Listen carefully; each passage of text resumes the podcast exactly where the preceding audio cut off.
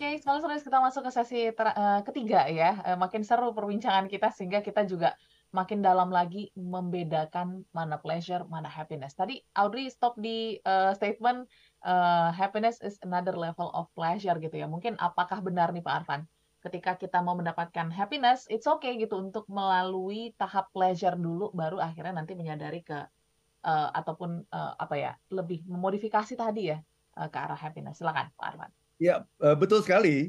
Oke. Betul sekali, karena memang manusia itu seperti tadi, selalu mencari pleasure.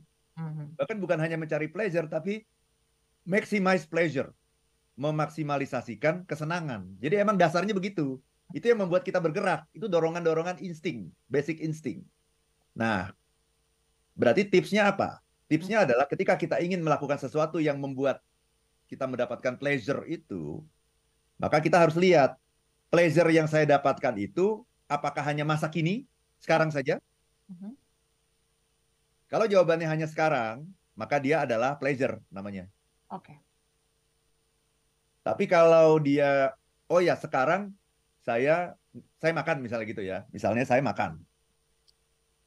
Saya makan ini makanannya makanan yang bergizi nih pokoknya ya. Saya yang sehat gitu ya. Maka oh ya makan junk food dulu deh kata gitu ya. Ma- Makan junk junk food dulu.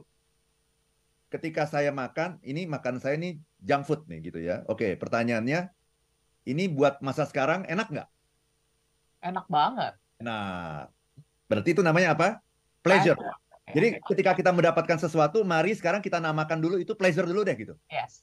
Karena betul seperti kata Audrey tadi, ya, happiness is the next level of of pleasure. Jadi pleasure dulu deh gitu. Oke, ini makanan ini buat sekarang bagus nggak? Bagus. Enak nggak? Enak. Oke, itu namanya pleasure. Nah, mari kita lihat kalau untuk masa depan gimana nih? Hmm, kayaknya kurang baik ya, Pak. Nah, Betul. Ya, titik di situ berarti itu namanya apa? itu Pleasure. udah ya. Oke, udah Oke, fix itu ya contoh ya. Merokok misalnya. Mhm. Orang yang merokok. Enak nggak itu? Enak, Oke, berarti pleasure. betul. Enak sekarang kan ya? Berarti itu pleasure. Pleasure. Pertanyaan berikutnya, untuk masa depan gimana yang namanya merokok itu? Tidak baik. Nggak baik, bisa membuat kita sakit. Betul, tidak baik untuk kesehatan. Mhm. Berarti tidak sampai pada happiness. Betul.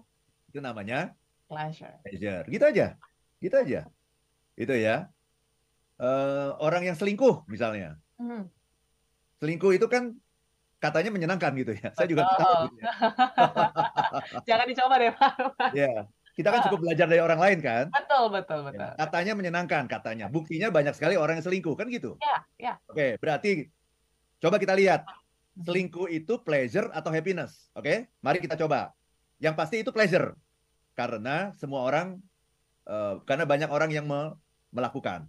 Oke, itu pleasure. Oke, memberikan kenikmatan, kesenangan dan sebagainya. Ya. Itu masa kini. Masa depan gimana?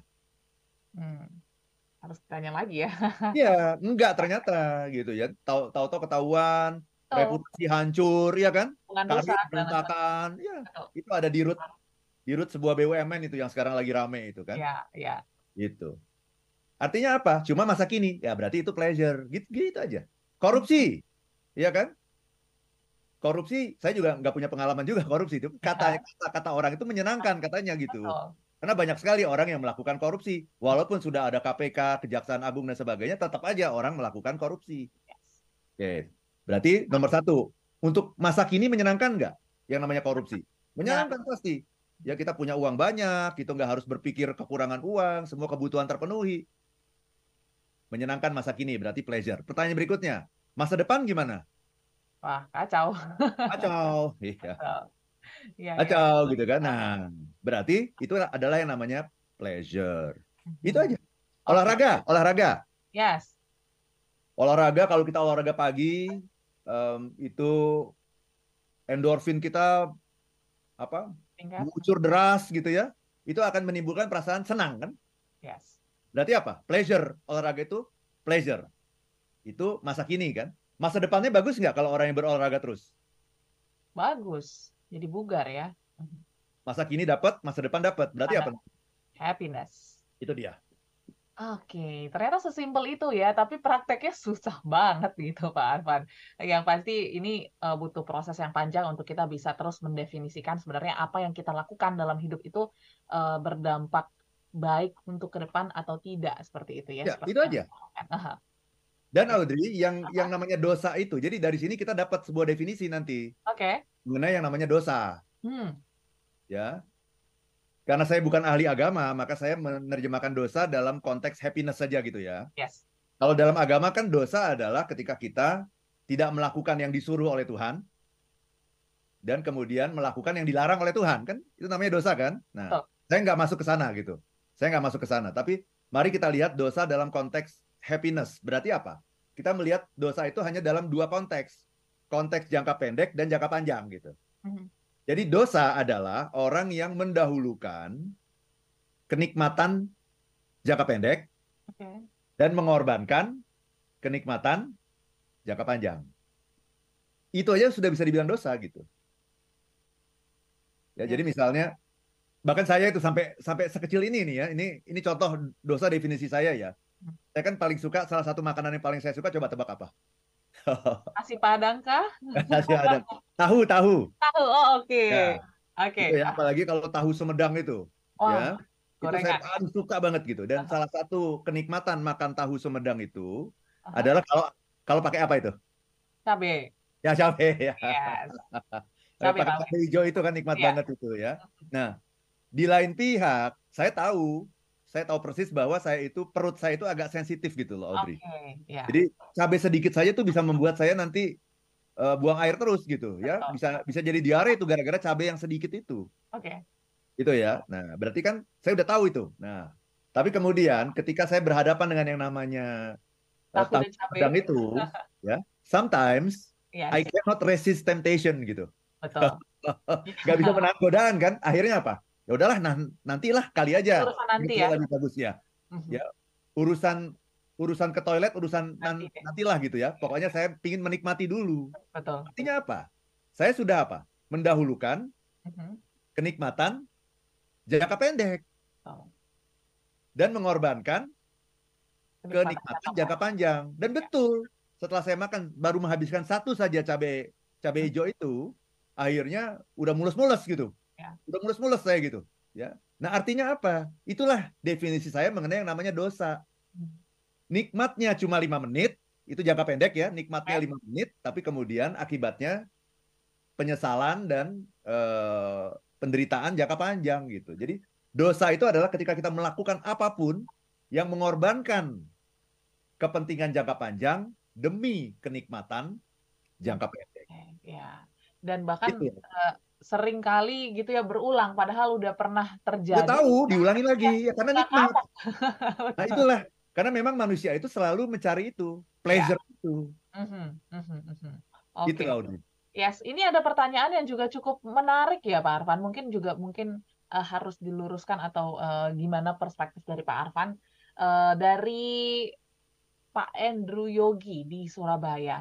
Eh, benarkah Pak Arfan bahagia itu sifatnya tidak bisa lama-lama atau terus at- lama-lama terus eh, dan kadarnya mesti cukup serta tidak berlebihan.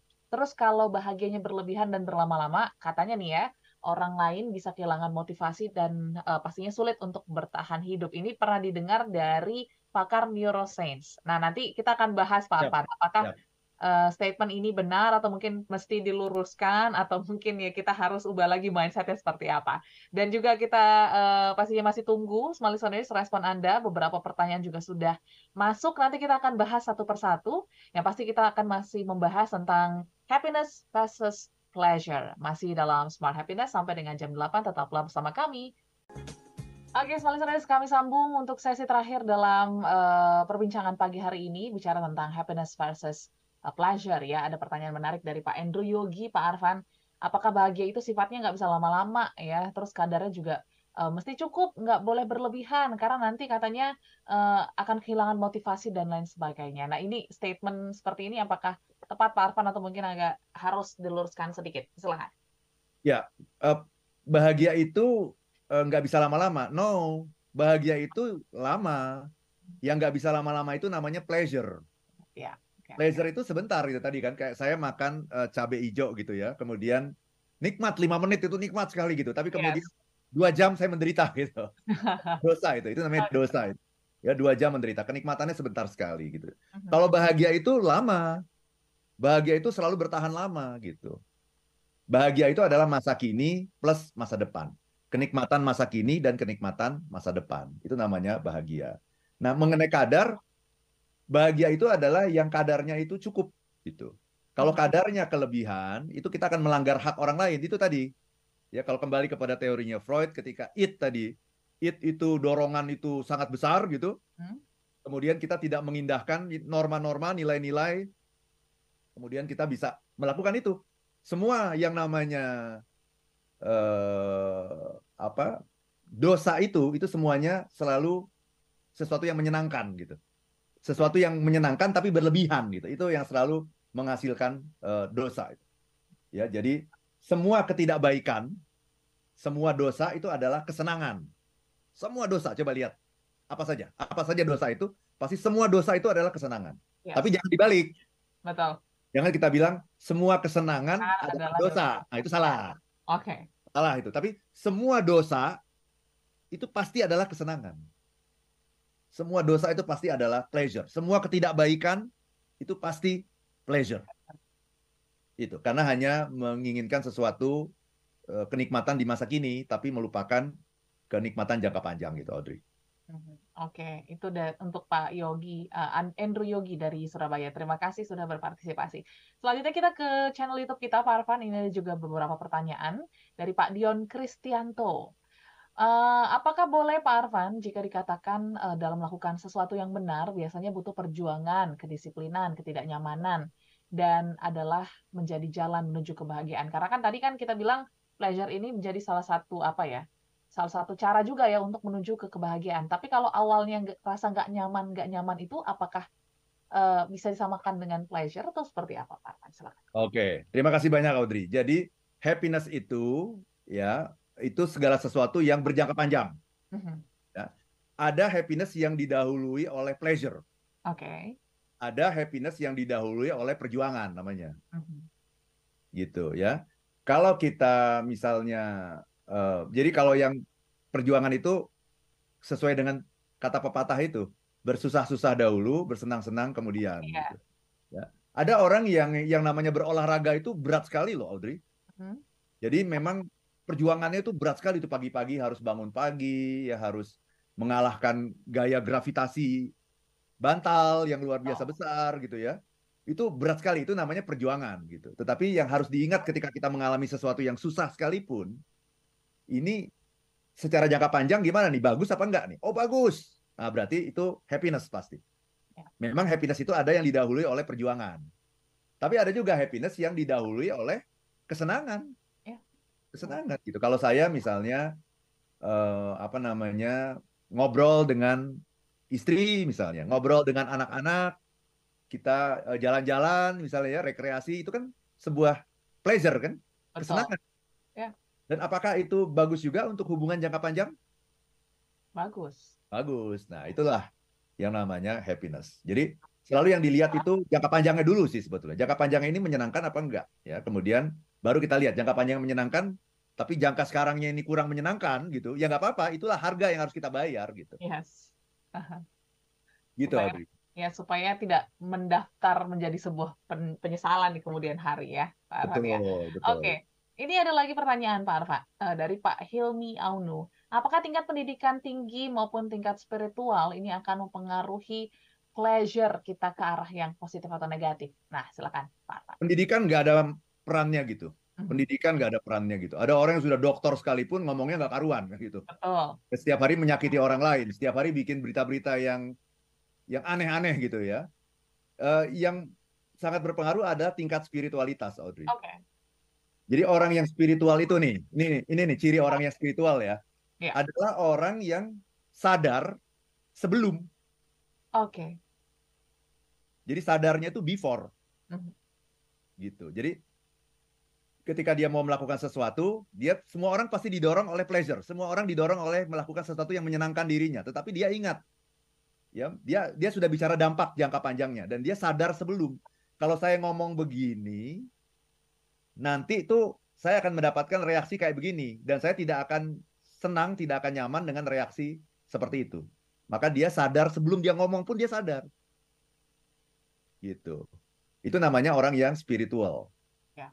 Di bawah itu orang yang punya kecerdasan emosional Mhm. adalah orang yang sadar ketika jadi during kalau tadi sadarnya before, Yes. kalau ini during. Mhm. Ketika satu ketika saya sedang marah gitu, saya sadar bahwa saya sedang marah. Itu namanya kecerdasan emosional. Saya sadar ketika. Mhm. Saya sadar ketika saya sedang tergoda gitu. Saya Oke. sedang tergoda nih. Tergoda itu bisa boleh oleh apa pun ya. Mhm. Oleh makanan, oleh uang, oleh apa pun gitu. Saya sedang tergoda nih gitu. Saya sadar ketika. Itu namanya during. Nah, itu namanya kecerdasan emosional. Kalau yang tadi sadar sebelum, itu kecerdasan spiritual. Nah, ada orang yang kebanyakan orang itu sayangnya itu adalah sadar Emosional. setelah. Iya. Sadar setelah itu hasilnya penyesalan. Betul. Saya udah marah-marah, udah maki-maki orang, astagfirullah, baru inget gitu. Baru Iya, iya, sadar. salah ngomong ya, baru sadar. Nah, itu namanya Iya. orang yang tidak cerdas emosi gitu. Orang yang sering kali eh, orang yang reaktif, orang yang akhirnya mah- hanya menghasilkan penyesalan. Gitu Audrey ya. Jadi sadar itu ada tiga ya. Ya. Sadar sebelum, Mhm. itu namanya kecerdasan spiritual. Yes. Sadar ketika, during, itu Hmm. namanya kecerdasan emosional. Ya. Satu lagi sadar setelah, after. Mhm. Itu namanya orang yang tidak cerdas gitu, orang yang reaktif gitu. Betul. Ya, jadi tadi ini kaitannya bukan dengan pendidikan tapi dengan spiritualitas. Betul sekali. Yes, ya, oke. Dan eh, ini juga tadi berkaitan sedikit Pak Arfan. Eh, kenapa orang harus terjerumus terlebih dahulu baru sadar akhirnya, Eh, dan pastinya baru menyadari kebodohan dan kehilafannya. Apakah memang eh, kita manusia itu cenderung jatuh dulu gitu ya Pak Arfan, baru paham eh, sebenarnya ini baik atau tidak atau seperti apa sebenarnya? Itulah yang namanya experiential learning. Dibilangin orang nggak percaya. Oke, Udah dibilangin kalau selingkuh itu kamu akan mendapatkan kenikmatan mungkin jangka pendek. Tapi secara jangka panjangnya kamu akan sengsara, nanti nama kamu akan jatuh, berantakan semua kredibilitas yang sudah kamu bangun bertahun-tahun. Nggak percaya. ya, Ini nyobain, baru percaya setelah dia nyobain. Itu namanya orang yang nggak belajar. Jadi kita kan bisa melihat orang lain kan. Kita belajar dari orang lain aja udah. Nggak harus kita merasakan gitu. Oh, yang namanya berjudi itu nanti ujungnya kamu bangkrut. Nggak harus kamu bangkrut dulu dong baru kamu sadar. Lihat aja orang yang udah bangkrut, kita pelajari supaya learning curve kita, kurva pelajaran kita menjadi semakin pendek. Dan Hmm. harga yang harus kita bayar dalam kehidupan itu murah. Kenapa? Karena kita belajar dari pengalaman orang lain. Nah itu, kita sering kali terjerumus itu karena kita nggak percaya sama orang lain, nggak bisa dikasih nasihat, nggak bisa diomongin gitu, nggak nggak bisa nggak pernah dengerin smart happiness gitu ya. Ah, betul. Merasa bahwa saya mau nyoba dulu, ya harganya mahal gitu. Itulah namanya orang yang terjerumus gitu. Harus mengalami dulu baru percaya, jangan dong gitu. Yes, jadi Ya. buka telinganya ya, jangan jangan sampai ditutup rapat-rapat eh, untuk mendengar eh, apa pembelajaran-pembelajaran ataupun mungkin nasihat dari orang-orang di sekitar Anda. Oke, Pak Arfan tersisa sekitar dua menit lagi, nggak Ya. kerasa perbincangan kita, tapi eh, ini menjadi pengingat untuk kita ya supaya bisa lebih apa ya melihat sesuatu itu di jangka panjangnya, tidak di masa sekarang saja gitu, nikmatnya di masa sekarang saja. So ada tips kah Pak Arfan untuk kita bisa melatih kemampuan kita gitu ya untuk melihat eh, apa ya, kenikmatan jangka panjang tersebut dibandingkan jangka pendek silakan. Ya, terima kasih banyak Audrey ya. Jadi happiness versus pleasure ini istilah yang paling banyak di eh, membuat tertukar gitu ya antara dua istilah ini. Jadi manusia itu dasarnya dulu ya, manusia itu adalah makhluk yang selalu mencari kesenangan. Itu dulu. Itu yang kita terima dulu gitu. Sehingga apa pun yang kita lakukan, kita harus namain dia. Mhm. Kita harus namakan ini kesenangan. Itu dulu.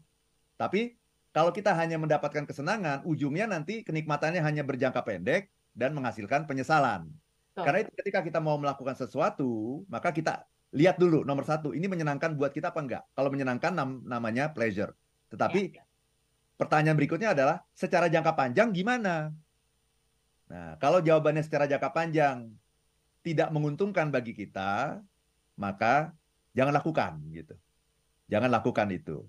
Tetapi kalau secara jangka panjang itu menguntungkan kita, itulah yang namanya happiness. Mhm. Jadi happiness itu selalu baik untuk jangka sekarang, baik untuk jangka panjang.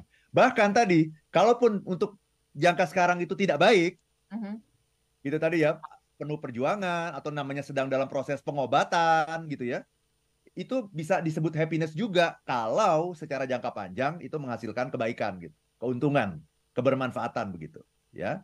Jadi itu cara kita mem- membedakannya supaya kita tidak terjerumus gitu ya. Nomor dua, kita harus selalu melakukan sesuatu based on eh, prinsip kebaikan. Semuanya harus berdasarkan lingkaran kebaikan. Ya. Kalau kita melakukan sesuatu berdasarkan lingkaran kebaikan, maka insya Allah kita akan selalu berada di jalur yang benar, yaitu Hmm. jalur happiness. Ya. Yang ketiga, selalu lakukan jeda. Ketika kita mau melakukan sesuatu, ada stimulus, ada respon, kasih jarak. Ya.